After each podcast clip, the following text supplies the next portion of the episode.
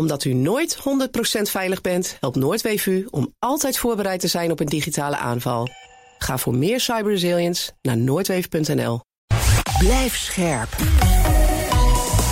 BNR Nieuwsradio. BNR breekt. Ivan Verrips. Goedemorgen en welkom. Vanaf half twaalf gaan we praten over het nieuws van de dag. Het kabinet heeft deze zomer overwogen om bedrijven die CO2 uitstoten tijdelijk te sluiten. Om zo te kunnen voldoen aan het Urgenda-fonds. En onze eigen versie van eh, First Met veel date late.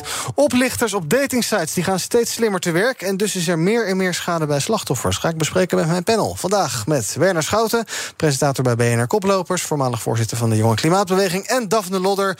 Zij is voorzitter van de JOVD, de VVD Jongeren, zeg ik maar eventjes informeel. Goedemorgen allebei. Goedemorgen. Goedemorgen. We gaan beginnen met. BNR breekt.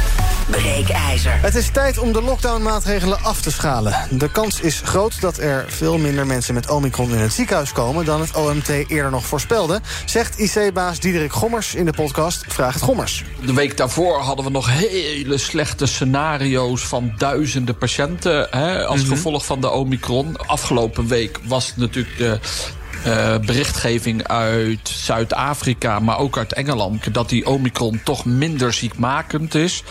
Maar daardoor uh, waren de berekeningen van de modelleur wel uh, veel optimistischer. Ja, eerder nog ging het OMT uit van allerlei zwarte scenario's, ook omdat er heel veel onduidelijkheid was. Ja, misschien wel duizenden mensen tegelijk op de IC terecht. Nou, dat lijkt allemaal wat mee te vallen.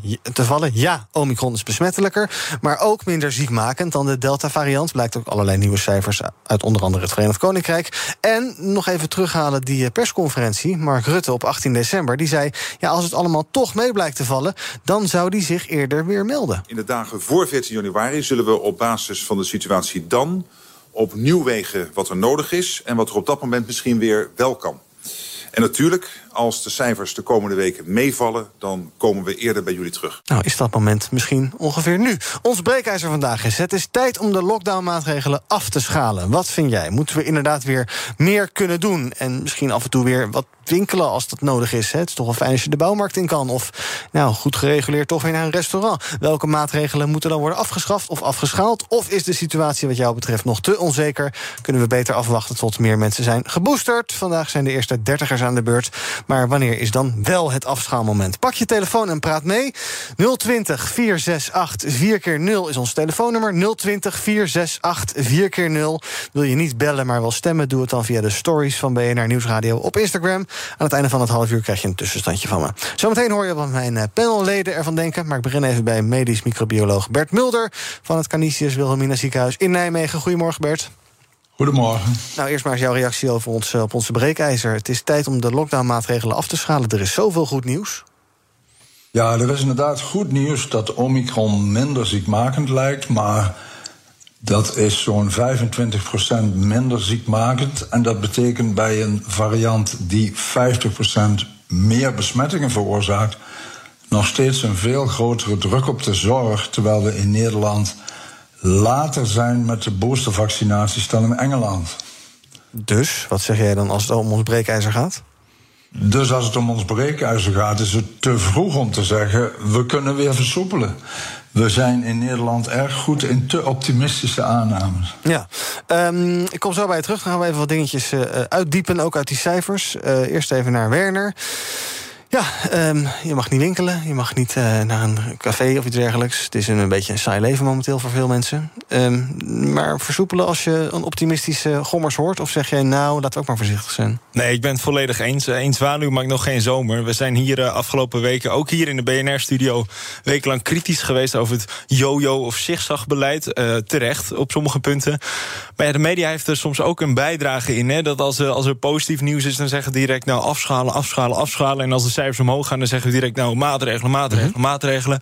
En zo is de media ook een beetje een reflectie. En wij zelf ook een beetje een reflectie van wat politiek qua, qua zigzagbeleid. Dus volgens mij veel te voorbarig om daar nu over te discussiëren. Dus, uh... Zeg jij dan gewoon vasthouden tot 14 januari? Want dat is wat in die persconferentie is gezegd. Of zeg je, ja, je moet het toch wel van dag tot dag bekijken. En uh, wanneer is er dan wel genoeg positief nieuws? Nou, ik denk dat je het wel gewoon van dag tot dag kan bekijken, inderdaad. Maar niet te snel conclusies trekken dat we kunnen afschalen. Daphne? Ik ben het eens, denk ik. Mhm. Ehm, dat we ehm, op dit moment uh, er goed aan doen om nog even in de lockdown te blijven. Oké, dus niet afschalen. Ja, nee, oneens. inderdaad. Niet ja. af, ja, sorry, dan ben ik het En- oneens. en Ik ben het eens met Werner, inderdaad. Ja. Ehm, omdat we nu eindelijk inderdaad een keer preventief maatregelen nemen. Mhm. En nu zeggen van ja, het, het, de scenario's zijn donker. Dus moeten we op tijd maatregelen nemen. Waar ik wel voor ben, en ik denk dat dat wel heel erg belangrijk is is dat we gaan kijken naar het onderwijs. Dat dat wel weer open kan na de kerstvakantie. Ehm, dus dat we daarin wel op tijd in ieder geval versoepelen. Want ehm, ja, online onderwijs werkt gewoon niet. Ik merk het zelf ook. eh, en ik zie er eigenlijk ook wel een beetje tegenop. Om dadelijk weer achter een beeldscherm eh, mijn klassen bij elkaar moet gaan houden. Want eh, nou ja, dat heeft eh, eerder heeft uitgewezen dat dat niet heel veel positieve resultaten heeft gehad. Ja. Eh, Bert, ik, de vraag die ik net ook aan Werner eh, stelde. Wanneer is dan wel een moment dat je kan gaan nadenken over eh, afschalen? Want je wil, kijk, iedereen vindt het natuurlijk ellendig de situatie waar we in zitten. Eh, dus je wil er zo snel mogelijk als het kan weer uit. Nou, jij zegt het kan nog niet. Wanneer, wanneer kan het wel? Wat zijn ja, cijfers en ontwikkelingen waar jij op let? Nou, ik let vooral op Groot-Brittannië en daar zie je twee heel zorgwekkende zaken. Eh, door die grote besmettelijkheid van Omicron zie je ook weer veel meer besmettingen onder ziekenhuispersoneel. En in Nederland ben ik daar ook erg bang voor, ook omdat we hier eh, qua maskerbeleid toch een, een heel, eh, hele soepele variant hebben. Vergeleken met Duitsland, waar veel meer FFP2-maskers gebruikt worden, is dat in Nederland eigenlijk eerder ongebruikelijk. En eh, alleen bij aerosolen. Maar Omicron veroorzaakt dat je eigenlijk als patiënt bijna per definitie een aerosolrisico loopt. En ook als personeel dus eventueel. Want het is, het is vreselijk dat we gevaccineerd en zelfs geboosterd nog steeds die Omicron-variant kunnen overdragen. Dat is eigenlijk waar heel veel onderschatting heeft plaatsgevonden in de modellen waar Diederik Gommers het over heeft. Dat je, dat je ja, denk, voortdurend denkt, als we, dat, als we die aannemers, aannames erin stoppen, dan komt er dat uit. Maar ja, dat, dat kan ook tegenvallen. Je, je weet het pas als je ziet wat er in, eh, in Engeland gebeurt. En de voortekenen zijn niet heel gunstig. Alle voetbalwedstrijden, nog nooit zoveel besmettingen geweest. Met tweede kerstdag, eh, de darters. eh, overal zie je die besmettingen om zich heen grijpen in een ongelooflijk hoog aantal. Ja. Daphne, het kabinet wordt vaak verweten dat ze eh, uitgaan van te optimistische scenario's. Werner zei het net ook. Ehm, eh, zijn we nu dan, eh, wat jou betreft, uitgegaan van een te zwart scenario? Of is het inderdaad wel verstandig dat we een keer op tijd waren en eh, daar dan dus ook, eh, nou ja, daar dan met die gevolgen moeten leven? Wat dus ook tot gevolg heeft dat wij in Europa misschien wel in het zwaarst mogelijke regime op dit moment zitten. Terwijl mensen wel de grens overgaan om lekker in België te winkelen. Want daar mag het wel blijkbaar. Ik vind het wel begrijpelijk dat we nu een keer zeggen... we gaan preventief handelen. Helemaal omdat er zoveel kritiek is geweest... op het eh, continu te laat handelen van de overheid. Ehm, ja, denk ik dat het nu verstandig is geweest. Wat wel zo is en wat je altijd zag... is dat hè, ze kondigen maatregelen aan voor bijvoorbeeld drie weken... en die bleven uiteindelijk zes weken, twee maanden, et cetera. Dat bleef maar duren. En nu eh, wil ik wel hè, het kabinet oproepen om direct ervoor te zorgen... dat, dat ze ook afschalen wanneer het kan. En dat ze niet hè, nu die 14 januari weer gaan zeggen... ja, het is toch nog net te onzeker. Want nee, je hebt die maatregelen preventief genomen... dus op tijd ook dan weer afschalen. Ja, dat dus- denk ik wel. Dus 14 januari is wel klaar voor jou. Nou ja, dat, dat hangt natuurlijk Van de af situatie weer. van de situatie, absoluut. Maar ik denk wel dat omdat we zo preventief hebben gehandeld, dat daar nu meer ruimte voor is. En dat inderdaad, als je merkt dat hè, de- die ehm, resultaten meevallen van Omicron, dat er dan ook eh, gelegenheid toe is om, om inderdaad mensen weer een stukje meer vrijheid terug te geven. Laten we eens kijken wat onze luisteraars vinden. Diederik, goedemorgen. Ja, goedemorgen. Ehm, ja, voor mij hadden de maatregelen al in maart 2020 afgeschaft mogen worden. Ja. Ehm, dat, jullie hebben nu over preventief handelen. En dat was natuurlijk in januari 2020 logisch. Je zag in China mensen dood neervallen op straat. En dat ja, wij hier dan voorzichtig worden, is natuurlijk logisch. Ehm, maar toen werd ook al heel snel duidelijk dat het alleen maar oude mensen waren. Onder andere schepen die eh, besmet waren, waarbij slechts 30% besmet was. Nou maar een paar procent overleed. En ehm volgens kwam in de zomer nog een keer een moment waarin bleek dat het eigenlijk niets voorstelde, een rapport van de WHO, waarvan we wisten van oké jongens, het is maar de griep. En dat blijft eigenlijk maar doorgaan, die berichtgeving. En tegenover zie ik in de media en politiek alleen maar berichtgeving en ook het OMT natuurlijk. Met echt hilarische voorspellingen over hoeveel mensen doodgingen. En deze laatste was natuurlijk helemaal zeer interessant over Omicron. Met 4000 mensen op de IC. Ja, weet je, ik denk dat we gewoon moeten ophouden met de onzin. We moeten kijken wat er gebeurt. Uh, als we iets moeten opschalen, vind ik het prima. Maar we moeten echt ophouden met deze onzin die echt nergens op gebaseerd is. En een mooi voorbeeld is natuurlijk China, dat twee, twee jaar inmiddels de meest harde lockdowns heeft. Mhm. En er is nog steeds corona. Zij hebben laatst de grootste, of de ene grootste haven ter wereld gesloten. Vanwege één besmetting. Dus dan heb je het echt over uiterst fascistische bestrijding van corona. Harder kan gewoon niet. En nog steeds is daar corona. Ja, en, Dus wat, wat, wat denkt iemand, een wetenschapper, die ik nu ook in de uitzending hoor over PFF2-maskers? Echt, het is totale onzin. Nou, dat gaan we dan gelijk even voorleggen aan die wetenschapper die nu toch in de uitzending heeft. Ik hoor heel veel dingen hier waar je denk ik wel op wil reageren, Bers. Ehm uh, uh, nou, eerst maar eventjes over die, over die mondmaskers. Want jij zegt, Uh, ja, daar doen we nu veel te weinig aan. Er is in Nederland natuurlijk een dramatisch uh, beleid gevoerd om draagvlak vast te houden met zingende ministers die lachend mondkapjes afgooiden. En vervolgens moet je ze dan toch weer invoeren. En FFP2 is het mondmasker wat voorkomt dat je besmet wordt. Normaal gesproken is een mondmasker om te voorkomen als je positief bent dat je anderen besmet. Maar dat, is, dat zijn twee verschillende mondmaskers. En bij risicovolle procedures in ziekenhuizen worden die FFP2-maskers al gebruikt. Alleen de grotere besmettelijkheid van Omicron maakt dat ze veel makkelijker besmet worden. Dus dat misschien wel uh, veel vaker, zeker in ziekenhuizen, om te voorkomen dat personeel uitvalt, die maskers vaker gebruikt moeten worden. Maar even reagerend op die zogenaamd onzinnige pro, uh, prognoses. Kijk, ik kom dagelijks in het ziekenhuis en er liggen nu uh, 550 mensen op de IC, waarvan een deel zelfs in Duitsland. Mm-hmm. Als we dat normaal gaan vinden of denken dat is hetzelfde als de griep. Ik heb dit echt nog nooit gezien met de griep. Maar dit is een zo'n slechte uitgangssituatie om er nog extra besmettingen bij te krijgen met Omicron. Dat we nu als enige Europese land met kerst zulke strenge maatregelen moesten nemen. Want ik, ik vind het ook vreselijk om te zien dat uh, hier vlak over de grens in Duitsland je gewoon uit eten kan.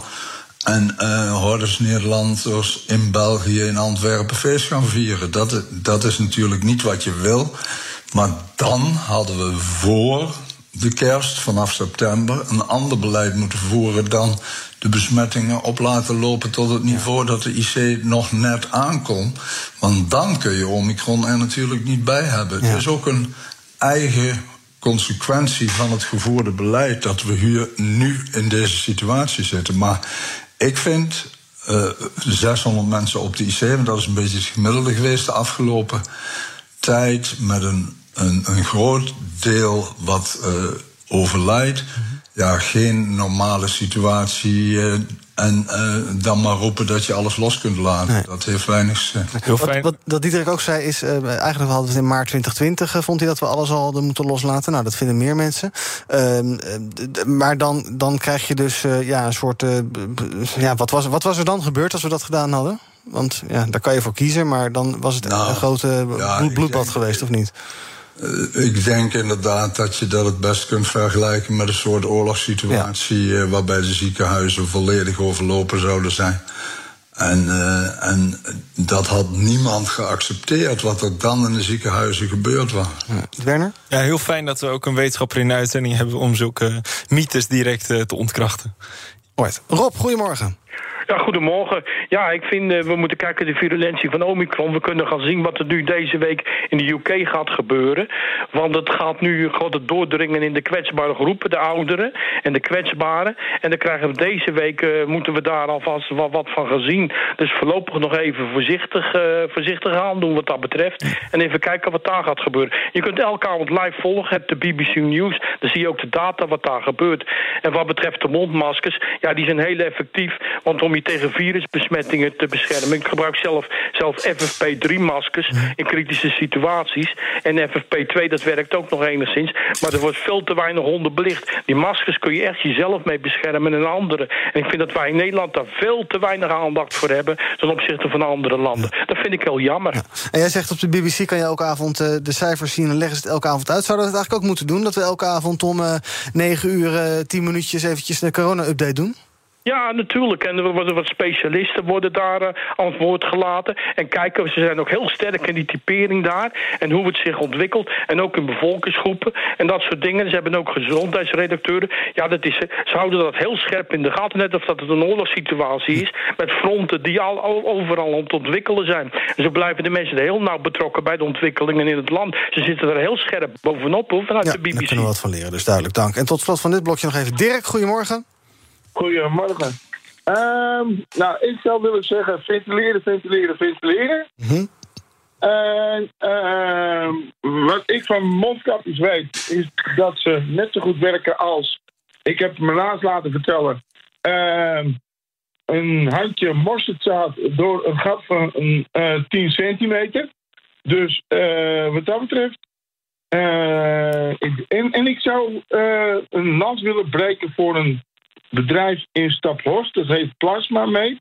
En, en die maken uh, aircleaners die wetenschappelijk uh, uh, juist werken. Dus, um, en um, ik weet ook dat ze in Staphorst ehm, de hele wereld uitlachen omdat alle scholen ze hebben, mm -hmm.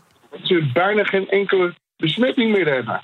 Ja, en daar zouden we misschien meer op in, moeten zetten, zeg jij. Bert, wie had het net over mondkapjes. Ventileren is ook inderdaad iets waar, waar we steeds meer over weten... en uh, wat ook steeds uh, belangrijker wordt gemaakt, ook in de overheidscommunicatie. Uh, goed om daar ook meer op in te zetten? Ook op inderdaad in klaslokalen? Oh, ik ben het helemaal eens met die luisteraar die dat zegt... Vaccineren is onze belangrijkste tool, maar niet voldoende om uh, Omicron en uh, het uh, coronavirus weg te krijgen. Extra maatregelen als maskers, ventileren, afstand houden blijven nodig. En natuurlijk op scholen des te belangrijker. Daphne zei net al, eigenlijk wil je het eerst de scholen weer open. Ja. Maar als je dat wil, zorg dan dat je deze tijd gebruikt om dat zo veilig mogelijk te kunnen doen als ze weer open kunnen. Want daar is te weinig in geïnvesteerd, denk ik. En ik ken dat clean air principe van uh, Staphorst niet, maar mm-hmm. in principe is voldoende ventileren ook voldoende. Je hoeft de lucht niet extra te reinigen. Want als je ventileert, dan, uh, dan zorg je gewoon voor aanvoer van steeds schone lucht. BNR breekt. Ivan Verrips. Met in mijn panel vandaag Daphne Lodder, voorzitter van de JOVD... Werner Schouten, presentator van BNR Koplopers... voormalig voorzitter van de Jonge Klimaatbeweging... en ook bij me is medisch microbioloog Bert Mulder. We praten over ons breekijzer. Het is tijd om de lockdownmaatregelen af te schalen. Wat vind jij? Uh, moeten we wat maatregelen gaan terugschroeven? En dan zo ja, welke? Wil je reageren? Pak je telefoon, doe dat ongeveer nu... want we praten er nog een minuutje of zeven over. 020 468 4 keer 0 is ons telefoonnummer. 020 468 4 keer 0 Je kan ook stemmen in de stories van uh, BNR Nieuwsradio op uh, Instagram. Um, Daphne, Bert noemde het net al eventjes. Mensen die uh, lekker uh, gaan shoppen een dagje in Antwerpen. Is dat asociaal of ben je dan ook toch wel een beetje onze zuiderburen aan het steunen... en ook hun economie een beetje aan het steunen? Wat misschien ook wel weer sociaal is. Het is natuurlijk niet de bedoeling, maar ik snap het wel heel erg goed. Zou je het zelf doen? Um, Lekker dagje even ontspannen, even weg uit die corona-ellende. Het is daar natuurlijk ook wel, maar... Ja, misschien wel. Ja, ik moet hier ook niet gaan beweren natuurlijk... dat ik het braafste jongetje van de hele klas ben. Uh-huh. um, en ik denk dat iedereen wel een beetje de randjes opzoekt... wat de, wat de maatregelen betreft. Uh, helemaal, ik, ik, woon in een studio. Um, op zich prima, groot genoeg voor, voor mij alleen. Alleen ja, je wil af en toe ook wel eens naar buiten toe en iets doen. En dan snap ik wel dat mensen zeggen... ik ga een dagje naar Antwerpen en uh, daar even de lol opzoeken. Ja. Maar als je maar een zelftest doet... en als je daar maar op let... denk dat dat ook heel erg belangrijk is. En ja, ook, ook wat die meneer, die eerste beller in de uitzending, dat blijft me toch een beetje bij, uh, die, die dat net zei. Uh, dat, dat hij eigenlijk geen vertrouwen meer had in, in de wetenschap en in, in de onderzoekers en het kabinet. Dat vind ik wel heel kwalijk, om toch nog ook even dat dat benoemd moet worden. Want als we niet meer gaan geloven in, in wat wetenschappers zeggen, Mhm. dan ben je echt wel het einde zoek met z'n allen. En het, het polariseert ook zo erg door te zeggen dat, dat ze alleen maar onzin verkopen en dat het kabinet zijn best niet doet. En hè, tuurlijk moet je kritisch zijn. En ik denk ook dat het heel belangrijk is. En iedereen heeft recht op zijn eigen mening. Maar hij staat in ieder geval wel open voor, voor een wetenschapper, voor iemand met kennis. Want wat is alternatief ook? Nou ja, dat weet ik niet, maar dat het wordt een drama. Ja. Werner, ben jij wel het braafste jongetje van de klas? Lang niet altijd, denk ik. Maar, maar ik denk, ik ben, wel, ik ben wel gaan merken dat je eigenlijk ook weer creatief gaat worden met wat er nu nog wel kan. Gewoon dingen wandelen en, der- en dergelijke. Dus we vinden juist in plaats van dat we onze tijd besteden in, in, in, in winkelcentra, eh, besteden we onze tijd misschien nu veel socialer met andere mensen. Wel op gepaste afstand natuurlijk. Ehm, maar dat vind ik wel tof om te zien. En daarnaast wat jij ook zegt, inderdaad, dat vertrouwen in instituties, in de overheid, in eh, de wetenschap, dat is zo ontzettend belangrijk. Waar we dat aan het begin van de coronacrisis juist hadden. Toen, toen eh, voeren we eigenlijk alleen maar op, op die wetenschap. Nu zie je dat het steeds meer wordt ondermijnd. En ik ben wel benieuwd dat het nieuwe kabinet daar ook gaat voor, voor gaat ondernemen. Want het is wel gewoon de basis van onze samenleving. Nou, het is toch ook een van de belangrijkste pijlers van het nieuwe kabinet: vertrouwen herstellen.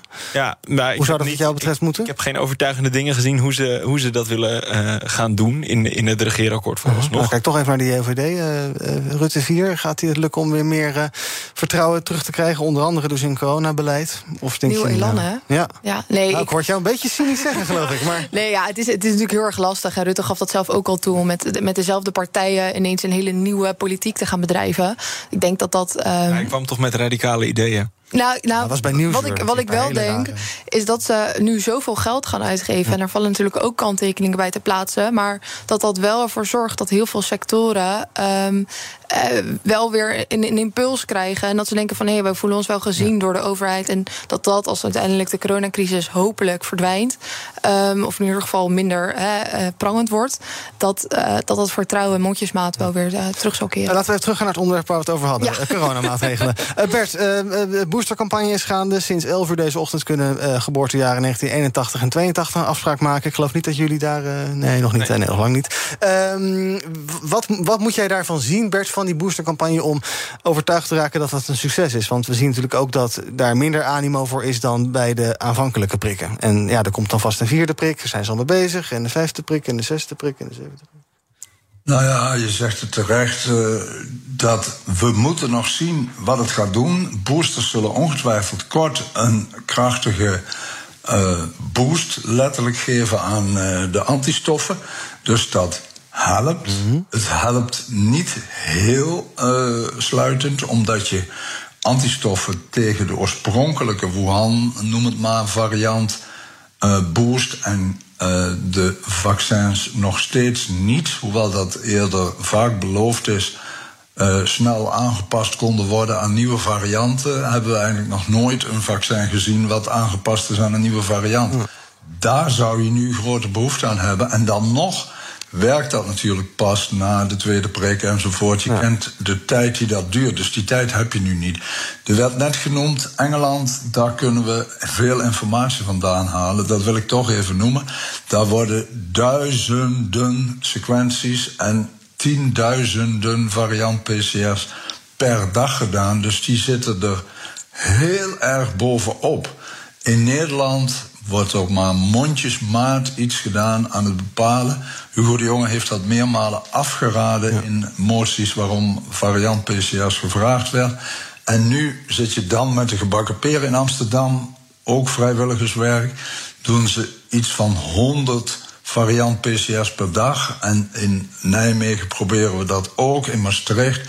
Maar dat is zeg maar, dat geeft een veel onvollediger beeld om elke dag mee bij de BBC te gaan zitten wat er precies aan de hand is. Eigenlijk kijken we jaloers naar Denemarken, naar Engeland, waar die gegevens veel meer solide zijn. En als je het hebt over nieuwe land, nou, die, die variant PCR zou een vorm van nieuwe land kunnen zijn, maar nog belangrijker is misschien wel dat je zorgt dat er een, een lange termijn strategie is, dat er perspectief geboden wordt van wat gaan we nu doen bij volgende stappen of bij volgende varianten.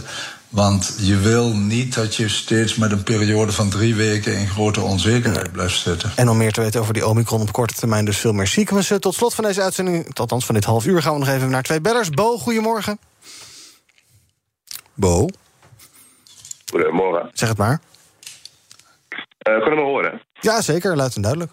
Oh, top, ja. Ehm, nou, kijk, de vraag was natuurlijk een beetje van... Uh, moeten de maatregelen verlengd worden of moeten ze doorgaan? Um, nou, ik vind zelf... Um, ik ben zelf ook uh, lid van de JOVD. Ik vind zelf dat ze oh. aardig... Um, dat we op zich aardig op weg zijn... maar dat het ja, einde nog lang niet in zicht is. dus daarom vind ik ook dat we ja, de lockdown moeten verlengen. Um, dat simpelweg vanwege het feit omdat we nog niet op de piek zitten van ons. Ja, het is een beetje logistische groei. Mm -hmm. Daar gaan we nog niet op de piek van. Um, ja, en daarentegen zijn we ook zelf, is ons gedrag ook nog niet echt gewenst, zodat wij het kunnen, um, ja, het af kunnen schalen. Ik bedoel, er moet wel een soort van beloning voor ons zijn. Dat klinkt natuurlijk heel gek. Maar zolang we nog steeds naar het buitenland gaan om te shoppen, om feesten te vieren en zo, ja, blijven wij het virus hier ook meenemen. Ja, duidelijk. Ken je, ken je boven niet? Ik ken wel een Bo, ja, maar ik weet niet of het die Bo is. Nou, nou ja, in ieder geval je achterban luistert. Goed om te weten. Gert, tot slot, goedemorgen. Hallo. Hallo Gert, zeg het maar. Hallo? Ja, hallo. Ja. Zeg het maar. Nee, en hij is weg. Nou, dat was de inhoudelijkse bijdrage voor vandaag. Tot slot nog even. Bij de rechtbank Den Haag dient om 12 uur een kort geding tegen de staat. Dat is uh, advocaat uit Breda, Bart Maas, die uh, eist dat uh, de, de lockdownmaatregel wordt ingetrokken. Hij zegt het is een klap in het gezicht en een drama voor winkeliers, restauranthouders, hoteliers en studenten. En hij wil ook voor de belangen van die groepen opkomen. Daphne is het goed tot slot dat nou ja, dit soort advocaten en allerlei activisten ook de staat ook via de rechtspraak blijven uitdagen om te kijken of alles goed in elkaar zit. Of zeg je, joh, staakje verzet en uh, uh, denk lekker constructief mee over hoe het beter kan. Nee, de overheid moet zich, moet zich, natuurlijk wel aan de regels houden. En ik denk dat we allemaal baat hebben bij een goed werkende rechtsstaat. Dus als we denken dat ze kans maken, mogen ze wat mij betreft lekker een rechtszaak starten. Ja. Ik denk alleen niet dat uh, ja, ze veel succes gaan boeken. Nee. Werner, tot slot, is dit onze laatste lockdown, denk je? Ik hoop het wel, maar ik, uh, ik ben bang van, uh, van niet dat we nog wel eens wat, wat stevigere maatregelen misschien mm. weer een keertje krijgen. Mm. Bert, is dit onze laatste lockdown, denk je? Omdat u compliant en in controle wilt zijn, zorgt Noordweef voor een altijd soepel draaiende security office. Met uw eigen CISO of die van ons. Ga voor meer cyber resilience ook naar noordweef.nl. Scherp. BNR Nieuwsradio. BNR breekt. Ivan Verrips. Welkom terug. Ja, het was een beetje een abrupt einde net. Maar daarom neem ik nog even het einde van het uh, breekijzer met je door. Het is tijd om de lockdown-maatregelen af te schalen. 80% op Instagram is het daarmee eens. Maar in onze uitzending zijn toch wel wat uh, genuanceerdere verhalen te horen. Alright, we gaan uh, praten over het nieuws van de dag met mijn panelleden. Daphne Lodder, voorzitter van de JOVD. En Werner Schouten van BNR Koplopers. Ook voormalig voorzitter van de Jonge Klimaatbeweging. En via het klimaat kennen jullie elkaar geloof ik al. Ja, ja, ja. Elkaar klopt. Een evenement. Digitaal evenement, ja, heel goed. Nou, nu dus in het echi. We gaan het hebben over het nieuws van de dag. Over baankansen van jongeren. Die zijn na de lockdown uh, van begin dit jaar gemiddeld genomen weer hersteld. En komen nu zelfs wat hoger uit dan voor de coronapandemie. Denk je, nou, goed nieuws. Maar er is wel een verschilletje, een uh, uh, best wel essentieel verschil... tussen de kansen voor hoger opgeleide en ook voor lager opgeleidere jongeren. Um, dat verschil is groter geworden, die kloof. Blijkt uit onderzoek van onder andere SEO Economisch Onderzoek. Nou, fantastisch nieuws voor hoger opgeleiden. Uh, die kunnen weer een baan vinden. Um, maar dat andere lijkt me toch wel wat zorgelijker, Daphne. Ja, nu heb ik net gezegd dat we massaal vertrouwen moeten hebben in de wetenschap. Maar toch wil ik hier toch wel een kanttekening bij plaatsen. Omdat ik um, het opvallend vind dat uh, zij hebben het echt over sectoren zoals de horeca en de detailhandel en zo. Waar nu minder banen zijn. Maar ja, logisch, we zitten in een lockdown. Mm -hmm. En ik bedoel, uh, de horeca, dat, hoor ik dan weer van de ondernemerskant. Die hebben juist uh, grote problemen met het vinden van personeel. Omdat die mensen die in de horeca zouden kunnen werken, denken van ja, hallo, het is tot de volgende lockdown. En dan mag ik weer, ja, word ik weer weggebonjourd, zeg maar. Dus ik denk dat dat ook uh, nog echt te maken heeft met de coronacrisis waar mm -hmm. we in zitten. En dat het helemaal niet zo is dat er geen banen zijn voor praktisch opgeleiden. Als je economie normaal draait. Als je economie ja. normaal draait, precies. En hè, wat we juist zien is dat we ontzettend behoefte hebben aan meer zorgmedewerkers, meer elektriciëns, uh, meer mensen die werken in de bouw, timmermannen, loodgieters, noem maar op. En ik denk dat dat juist hè, de, de, de MBO-tak is, om het zo maar te zeggen. Um, dus dat zij zeker wel uh, aan het werk komen, um, afhankelijk van de sector. Ja. ja. misschien is het juist wel dat het ook kansen oplevert, toch? Want uh, er waren heel veel mensen die in de horeca werkten, et cetera. Terwijl juist heel veel mensen nodig zijn in de zorg, maar ook in de energie energietransitie en dergelijke. Ik denk dat mensen nu denken van, goh, ik, ik zeg uh, gedag tegen mijn baantje in de horeca... en dan ga ik gewoon voor de energietransitie werken. Ja, dat is misschien wat de maatschappij nu ook meer nodig heeft. Uh, dus dan heeft het ook wel positieve effecten. maar zijn dat sectoren die nu zo enorm stil liggen? Want nou ja, de zorg, uh, we hebben het erover gehad. Dat draait overuren. Bouw gaat, zover ik weet, gewoon door. energietransitie moet gewoon doorgaan naar springen zonder personeel. Dus is dat, is dat daar wel zo'n probleem? Nee, ja, dat denk ik dus juist niet. Dat we daar op zoek zijn naar, naar mensen. En dat ze eigenlijk niet, niet aan te slepen zijn. Um, en dus dat het beeld dat we nu zien, dat dat een beetje vertekend is. Omdat het echt puur gaat om die sectoren die nu vanwege de lockdown en alle maatregelen die er al jaren zijn, inmiddels, mm uh, ja, ja, toch daardoor getroffen zijn. Ja. ja. Werner, wat denk jij, deze scheefgroei? Is dat een beetje vertekend omdat uh, ja, je economie gewoon nog een beetje van slag is en je, je, je, je banenmarkt inderdaad, je gaat nu niet solliciteren bij een winkel. En als jij bij een winkel werkt, dan haal je snel je vacatures offline. Want ja, deze tijd ga je niemand aannemen natuurlijk. Ja, je zegt het eigenlijk ook. Ik denk dat dit gewoon een tijdelijk effect is inderdaad. En dat op termijn als die economie weer gaat draaien... dan gaan we weer juist staan te springen om, om al die mensen... Die, die in de winkels willen werken en dergelijke. Maar misschien dat die dan al wel een veel vastere baan... en veel beter betaalde baan trouwens soms ook krijgen... in bijvoorbeeld het installeren van zonnepanelen, warmtepompen... in de zorg bijvoorbeeld. Dus uh, misschien dat je die wel permanent uh, verliest op deze manier. Ja. Kan je zomaar van een uh, horecabaan of een supermarkt... Nou, supermarkt kan je wel blijven werken. Maar een, een, een retailbaan uh, aan de slag in de wereld van de uh, energietransitie, dat is er ook niet. Uh, daar moet er ook wel iets voor kunnen. Daar moet je heel veel voor kunnen. Maar ja. ze zijn super innovatief geweest om juist heel veel van die zij-instroomtrajecten te ontwikkelen. Zodat je als ICT'er aan de slag kan, in de energietransitie aan de slag kan. Dus ik ga er wel vanuit dat heel veel mensen misschien nu juist in die tussenfase zitten naar zo'n baan. weg van de horeca en de winkels. Ja, je zei net al, Daphne, dat je zelf voor de klas staat.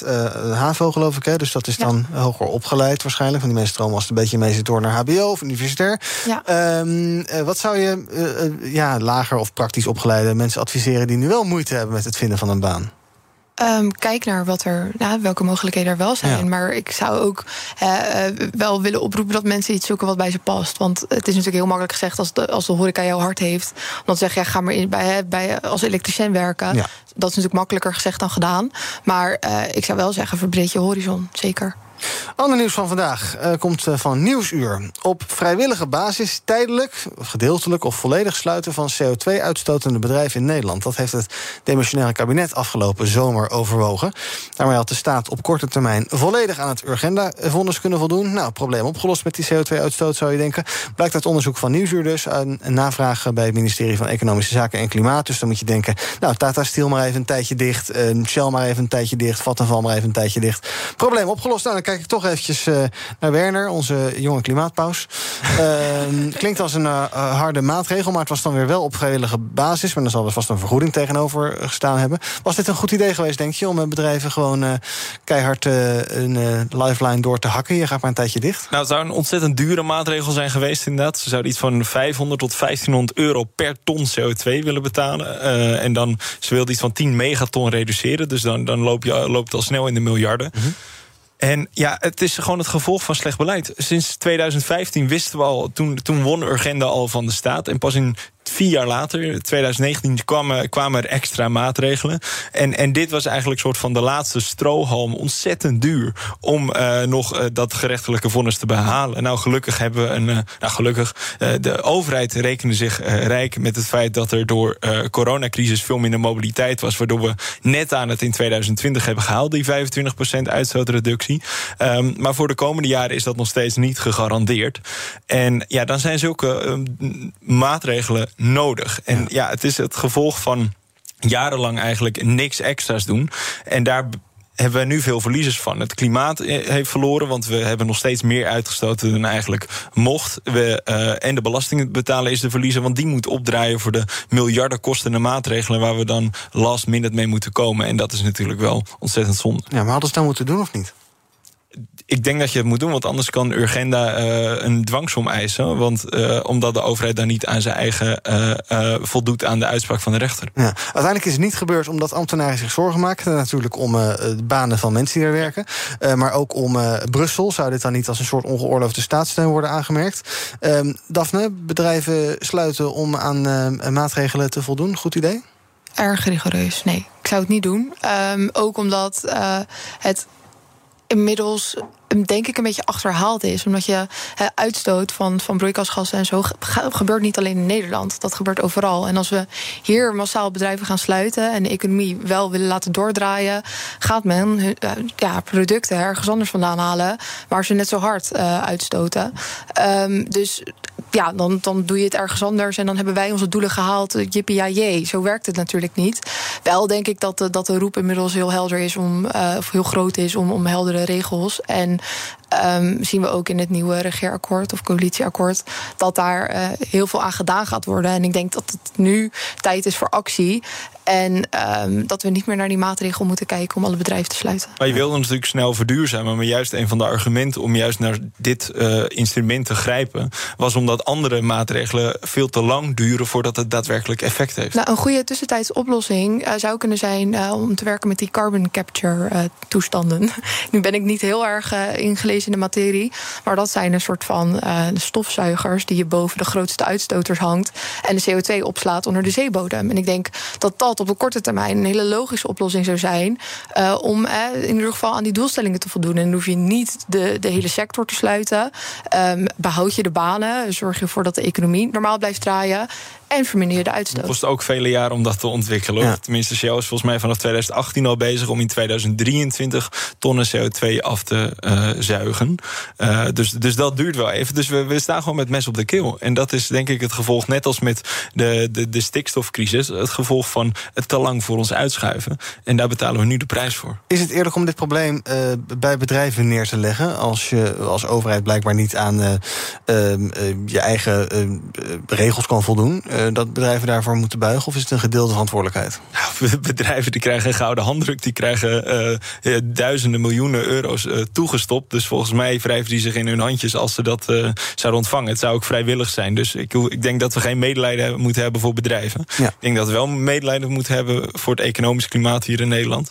En, en voor de belastingbetaler. Ja. Maar ehm Daphne zegt eh, maatregel van tafel. Als ik bij jou hoor ik dat toch een stuk minder. Jij denkt van nou, dat zou misschien voor Rutte 4 in een soort afgezwakte vorm best nog wel eens eh, nog wel kunnen. Nou, als, nu heb je Want we sluiten kolencentrales, daar gaan eh, 200 miljoen heen, Ja, geloof ik. 200 miljoen heen, inderdaad. Maar tegelijkertijd is de gasprijs heel hoog, Mhm. waardoor andere openstaande kolencentrales nog harder draaien. Ehm, dus als het gewoon moeilijk blijkt in de toekomst om die eh, CO2-doelen te bereiken, ehm, dan, dan kan het bestaan dat deze maatregelen nog steeds eh, moeten komen. Maar met Prinsdag hebben we 7 miljard gezien voor isolatie en, en andere eh, maatregelen om, om ook de autostapel te verduurzamen. Misschien dat we daar juist nog meer op moeten inzetten. Maar het is en blijft gewoon heel dure maatregelen op de korte termijn. Ik denk ook sluiten zou echt de laatste redmiddel moeten zijn. Uh, maar laten we nu voor zorgen dat we zo snel mogelijk uh, huizen gaan isoleren. En dat we zo snel mogelijk elektrische auto's in, uh, in uh, ons water, wa wagenpark krijgen. BNR breekt. Thomas van Zel. Ivan van Rip. Zaken doen zometeen over uh, 17 minuten.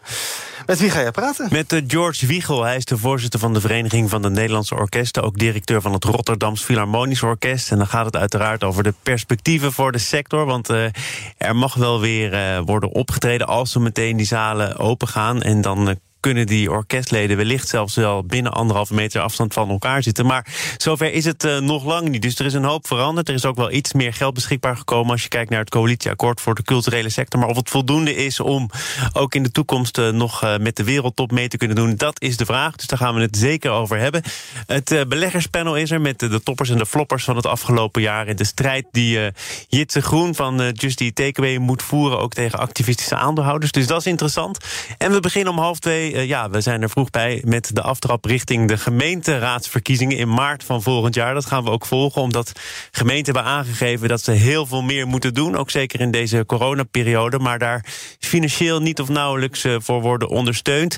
De VNG heeft al gezegd, het kabinet maakt ook een valse start na lezing van het coalitieakkoord. Dus wat ze daar bijvoorbeeld in Apeldoorn van merken, dat hoor je zo meteen om half twee in BNR Zaken doen. Klinkt wel als een volle bak. Zo is het. Zometeen om 12 uur Zaken doen met Thomas. BNR breekt. Kijken wat is opgevallen bij mijn eh, panelleden. Uh, vandaag uh, Daphne Lolder van de JOVD, Werner Schouten van BNR Koplopers. Daphne, ze willen het hebben over pushbacks. Ja, inderdaad. Er zijn het afgelopen jaar uh, wel 12.000 pushbacks geweest aan de Europese buitengrens. Um, en die pushbacks, dat betekent eigenlijk dat, dat vluchtelingen die Europa binnenkomen en zeggen: Ik wil hier graag asiel aanvragen. Um, wat dan hun recht is om te doen. En ze moeten dan ook kunnen blijven. toch worden teruggezet. Um, en dat is natuurlijk schandelijk en ontzettend schrijnend.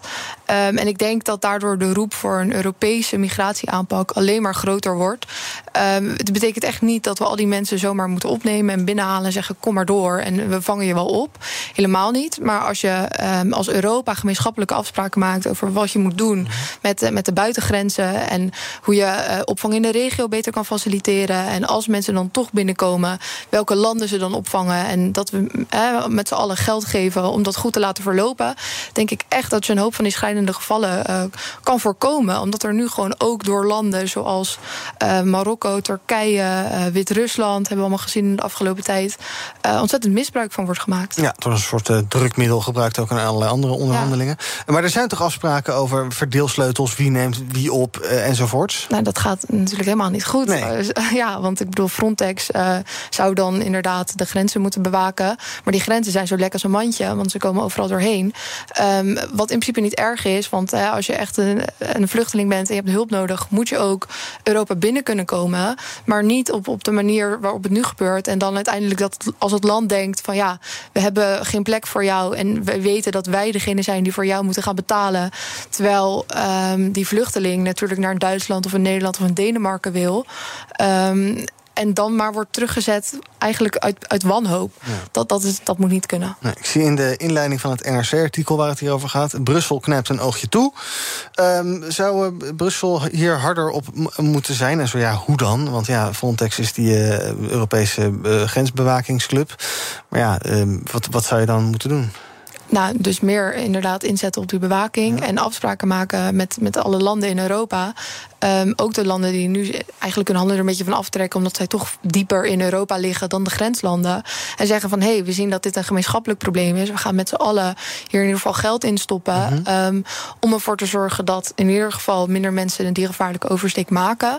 Dat er meer opvang is in de regio. En dat als mensen er zijn, dat we ze dan um, niet per se via een verdeelsleutel opvangen, maar wel in landen opvangen die dan ook gesteund worden met Europees geld. Ik denk dat dat heel erg. Zou, zou Rutte in navolging van Merkel nu gewoon moeten zeggen: van wie schaffen dat? We gaan gewoon die uh, vluchtelingen opnemen. Want het is inhumaan wat er nu gebeurt aan de grenzen van Europa. Nou, ik denk dus dat het massaal opnemen van die vluchtelingen alleen maar een aanzuigend effect heeft. En dat er uiteindelijk nog meer komen. Wat je uiteindelijk um, niet aan kan als Europa. Maar ik denk wel, ik bedoel, we hebben het net gehad, uh, net gehad over het tekort aan banen in, in Nederland. Ik bedoel, uh, als er vluchtelingen zijn die heel graag een steentje willen bijdragen. Ik bedoel, tuurlijk, hè, kom maar wat dat betreft. Um, maar waar ik wel voor pleit is, uh, dus Frontex, opvang in de regio, uh, Europese aanpak. Dus er zijn heel veel meer middelen die je kunt gebruiken om deze ja, situaties, schrijnende situaties te voorkomen. Ga je hier ooit uitkomen? Want er zijn ook in Europa natuurlijk allerlei landen die hier helemaal niet op zitten te wachten. Die denken, joh, al die migranten, zo de op ja, we zitten in Europa. Dus ja. ik bedoel, we hebben de Europese Unie en daarin worden afspraken gemaakt. En als daar wetgeving voor komt, zul je daar moeten houden. Uh, het zal alleen een uh, lang uh, Europees bureaucratisch proces worden. Ja. ja. en tot die tijd dus duizenden mensen die gewoon worden teruggestuurd, terwijl dat niet mag. Nee, ja, zeer onterecht. Berner, um, ja, klimaat natuurlijk, hè? Ja, Meer klimaat. Anders? Nee, we gaan het hebben over stikstof um, uh, en andere uh, maatregelen als het gaat om uh, klimaat. In 2030 ehm, zijn er allerlei doelstellingen voor. Maar het Planbureau voor de Leefomgeving maakt zich zorgen. Ja, het Planbureau voor de Leefomgeving had een analyse gemaakt van het regeerakkoord. Die was vol lof over de ambities. 60% uitstootreductie van CO2 in 2030. halvering volgens mij van de stikstofuitstoot in 2030. maar ze had ook wel een aantal kanttekeningen. Allereerst eerst uh, vooral dat er heel veel vrijwilligheid en heel veel subsidies in zitten. En uh, de overheid moet voorkomen dat soort van, zeker op het gebied van klimaat, een soort van ja, flappe tap van de fossiele industrie wordt. Want ze geven heel veel subsidies, maar laten dat weinig gepaard gaan met extra beprijzing, extra wetgeving, om eigenlijk ook die niet duurzame uh, middelen minder aantrekkelijk te maken. Mm -hmm. dus daar stel, stel dat de PBL vraagtekens bij. En terecht, denk ik. Want het is natuurlijk heel bijzonder dat wij nu 35 miljard euro uh, veilig hebben gesteld voor uh, die bedrijven. Terwijl zij nog makkelijk door kunnen gaan met het, aan, uh, met het inkoop van eigen aandelen. om hun aandeelhouderskoers te spekken. miljoenen geven aan, aan hun CEO's en dergelijke. Miljoenen aan dividend geven. Um, dus ik vind het een niet meer dan terechte opmerking van het, van het PBL. En daarnaast ook de, de vrijwilligheid. Hè. De, de, we moeten alles gericht op innovatie en, en op vrijwillig misschien stoppen met bijvoorbeeld uh, uh, vee, bijvoorbeeld als boer. Ja, en dat leidt gewoon toe dat je te weinig resultaat hebt tot aan 2030. Dus er mag soms gewoon wat harder en forser mogen uh, worden ingegrepen. Ja, en dus niet alleen goed gedrag belonen, maar ook uh, slecht gedrag afstraffen. Ja, want anders, anders, anders gaat die vraag naar niet duurzame producten uh, niet naar beneden. Dus bijvoorbeeld uh, gaat die cv-ketel, verkoopt die gewoon niet meer... zodat iedereen aan de hybride warmtepomp of aan het warmtenet moet. Zorg ervoor dat, die, uh, dat er bijvoorbeeld een vleesheffing komt... zodat daar de vraag naar beneden gaat. En op die manier kan je veel effectiever je beleid voeren. Ja. Jij zei 55% CO2-reductie, maar er is ook een soort streven van 60 Ja. Hoe lees jij dat in het coalitieakkoord? Ik vond het heel gek ze zeiden we zetten in op 55, maar als het even kan, dan proberen we 60 te halen. Waar, wat, wil, wat wil de coalitie nou? Wat is nou 60 of 55? Wat, wat is het nou? Ik denk dat het wel 55 gaat worden. Ik hoop dat het 60 is. Uh -huh. Dat is echt keihard nodig. Uh, zelfs nog eigenlijk te kort wil je onder die anderhalve graad blijven... die we in Parijs hebben afgesproken. Um, maar de overheid is altijd een beetje te optimistisch geweest... zowel met corona, maar ook met klimaat. Ja. Dat ze zeiden van, oh, we gaan 49 doen. En dan zei het PBL van, nou, we zitten er bijna bij. En dat ze, nou, we doen genoeg. En nu willen ze dus wat meer rekening houden met tegenvallers... door, zeg maar, te koersen op 60. En dan komen we hopelijk op 55 uit in 2030. Ja. Daphne, wat vind jij dat het doel moet zijn? 55? Of als je 60 moet, dan moet je gewoon 60 proberen te halen? Um, nou, die 55 moet sowieso ja. gehaald worden. Dat is een afspraak. Maar ik denk inderdaad dat het um, geen kwaad kan om op 60 in te zetten... om uiteindelijk ook op die 55 uit te komen. We gaan kijken tot slot van deze uitzending... wat er trending is op de socials. Nou, volledig in lijn met ons breekijzer. Hashtag einde lockdown nu. Nummer 1 trending op Twitter. En ook is trending hashtag guldens. Nederlanders hebben voor altijd nog voor zo'n 440 miljoen euro aan guldens in bezit. Zo werd gisteren bekendgemaakt door de Nederlandse Bank. Die oude biljetten kan je nog tot 2032 inruilen tegen euro's. Maar volgens muntexperts is het misschien ook wel slim om ze te houden. En ja, België is een trending, met name als het gaat om vuurwerk. Legaal vuurwerk, dan wel illegaal vuurwerk. In Nederland is natuurlijk eigenlijk alles illegaal dit jaar. Ook bij de grens wordt er flink gecontroleerd op het smokkelen van vuurwerk. En hashtag speld is trending. Is niet een of ander leuk artikel over de speld, maar het gaat over een tophandelaar. Een haarspeldje van een Amerikaanse TikTok-ster, Demi Skipper, ter waarde van 1 cent. Heeft zij in anderhalf jaar tijd weten om te ruilen tot een huis van 40.000 dollar. 4 miljoen procent rendement dus. Nou, best aardig. Ze gaat nu voorlopig in het huis wonen en het een opknapbeurt geven om het daarna... Ja, je raadt het al. Weer verder te ruilen. Als je het gevoel hebt dat het plaatje eindelijk klopt. Parship Vind jouw liefde. Ja, vind jouw liefde op Parship. Maar toch klopt dat plaatje niet altijd, blijkt vandaag. Oplichters op datingsites die gaan steeds verfijnder te werk. Via allerlei deepfake filmpjes of het aanprijzen van netbeleggingen. Ja, wordt steeds meer geld afgetroggeld bij uh, slachtoffers. Dus mensen die denken, nou, dat is een leuke date, dat is een lekker hapje. Maar dan blijkt het toch gewoon een ordinaire uh, fraudeur te zijn. De fraude helpdesk die slaat alarm en komt vandaag met een campagne. Vroeger ging je misschien wel eens twijfelen als de ander niet wilde videobellen. Hè, mijn webcam is kapot. Ja, ja, geloof je het zelf. Maar tegenwoordig kunnen oplichters vaak wel videobellen. Alleen zit je dan dus met een of andere deepfake Sjaak of Truus aan de andere kant van het scherm. Volgens de fraude helpdesk wordt het maken van deze hyperrealistische nepfilmpjes steeds makkelijker en steeds goedkoper. Wanneer hebben jullie voor het laatst gedate? Ja, nou, nog voordat ik een partner had. ja, precies. Nou, dat is jaren geleden. Oké, okay. ja. nou toen bestonden dingen als deepfakes nog niet. Um, ik denk dan, je zag, het gaat natuurlijk alweer om miljoenen. Sommige mensen wordt tienduizenden euro's afgetroggeld. Het is toch een beetje raar als je date begint tijdens een eerste date over zijn of haar beleggingen. En dat je een of andere dubieuze belegging aangeraden krijgt. Dan moet je toch al nattigheid voelen, Daphne? Nou, het gaat geloof ik iets geraffineerder dan dat. Uh, dat, uh, dat er eerst inderdaad een, uh, een, band wordt opgebouwd. En dat er uiteindelijk toch iets wordt gezegd over. Uh, goh, ik heb toch zo'n slimme investering gedaan. Is dat ook niet wat voor jou? Ja. En uh, dit, dat. Um, dus het, het, het, is wat moeilijker te herkennen, mm -hmm. denk ik.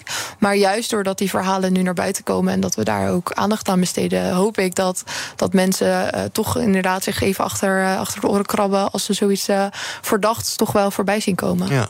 Wat kan je doen tegen deepfake-video's, Werner? Want het is wel, dat is wel een soort bedreiging ja, waar bijna geen kruid tegen gewassen is. Als het er maar heel goed eruit ziet te hebben. Je hebt laatst wat filmpjes op TikTok gehad waar Rutte, de jongen van Dissel en hoe heet die IC-event? Gommers, Gommers, die stonden het dansen deden een kerstdansje. Dat is echt super realistisch. Echt doodeng. Ja, ik vind het ook wel zorgwekkend. Je had ook met de correspondent had je zo'n eh, zo'n video over klimaat, inderdaad. Ja, dat is eh, weinig van echt meer te onderscheiden. En zij lieten dan nog wel zien dat het deepfake was. Maar zo kan je dus ook gewoon flink intuimen. Ik vind dat wel uh, ja, zorgwekkend. Je hebt geen idee wat je er tegen zou kunnen doen. Maar het is wel tijd dat we daar iets op vinden. Ja, misschien toch meer checken bij dating apps en websites. Uh, ja, of degene die erachter zit, of dat ook wel echt diegene is met paspoortcontroles of zo, dat soort dingen. Nou ja, oké. Okay. Heb je nog date tips of niet? Om het een beetje veilig en leuk te houden? Ja, een rondje wandelen, gluwijnwalken, chocomel, uh, chocolademelk, uh, walk, zulke soort dingetjes. Ja, op zich fysiek afspreken, dat is misschien nog wel wat handig. Dan weet je snel uh, wat voor het En wandelen, dan kom je en wandelen. beweging. Dat is ook gezond. nou, heel goed. Dank jullie wel voor jullie stichtelijke adviezen vandaag. Tot zover BNR Breekt. Daphne Lodder, voorzitter van de JOVD, was bij me. En Werner Schouten van BNR Koplopers. Morgen dan ben ik er weer. Tot die tijd kun je ons volgen via de socials. Zoek even naar BNR op Twitter, YouTube, Instagram. Je weet wel waar we te vinden zijn. En lekker blijven luisteren, want zometeen is Thomas hier met Zaken doen omdat uw systemen kritisch, complex en soms toch kwetsbaar zijn, beschermt Noordweef u 24 uur per dag tegen geavanceerde aanvallen. Ga voor meer cyberresilience naar noordweef.nl.